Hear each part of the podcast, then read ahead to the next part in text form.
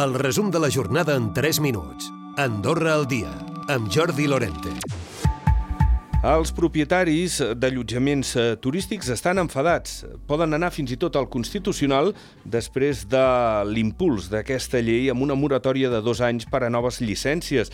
N'ha parlat a les últimes hores el responsable d'aquesta associació, l'Àlex Ruiz. El venedor no pot vendre'l perquè, perquè el comprador no el vol comprar. Llavors, vull dir, aquí hi ha una discriminació molt important. Llavors, farem una reunió amb caràcter d'urgència, perquè sigui amb el vot de tots, i si ens diuen que endavant, doncs ho tirarem cap endavant. Vull dir, eh, hi ha molta moltes de les nostres societats que estan afectats, amb la qual segurament anirem creixent. Per és a dir, això es decidirà ràpid. Sí, sí, sí, no, aquestes setmanes. I és que Ruiz afirma, a més, que no es pot limitar una autorització per a pisos d'una categoria o qualitat que pot no ser real. El Clot d'en Privat d'Escaldes podria tenir sis torres, Tres propietaris han entrat al comú projectes amb la intenció d'alçar noves edificacions, com ara les actuals. Ho van fer abans, fins i tot de l'anunci del govern de la nova llei per limitar el creixement urbanístic.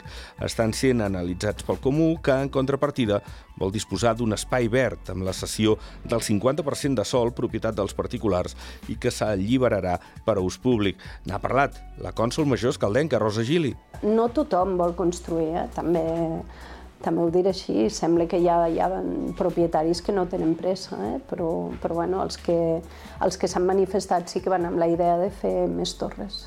La inversió estrangera formalitzada els darrers 10 anys ha estat de 930 milions.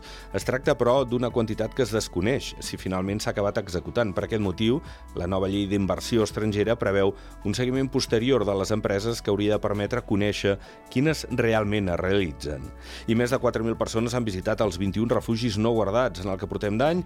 El refugi de Cabana Sorda, a Incles, i el de Font Verd, a la Vall del Madriu, són els que més visitants registren. D'altra banda, fins aquest setembre s'han recollit recollit més de 330 quilos de deixalles. Escoltem alguns dels usuaris. Tens tots els serveis mínims que pots trobar, a nivell de llenya, fins i tot algun llibre hem vist dintre algun refugi.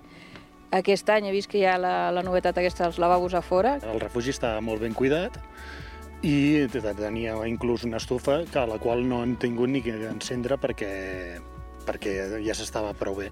L'ocupació hotelera continua minvant durant el mes de setembre. La darrera setmana va ser del 52,8%. De fet, és la més baixa en el que portem de mes i s'està estabilitzant.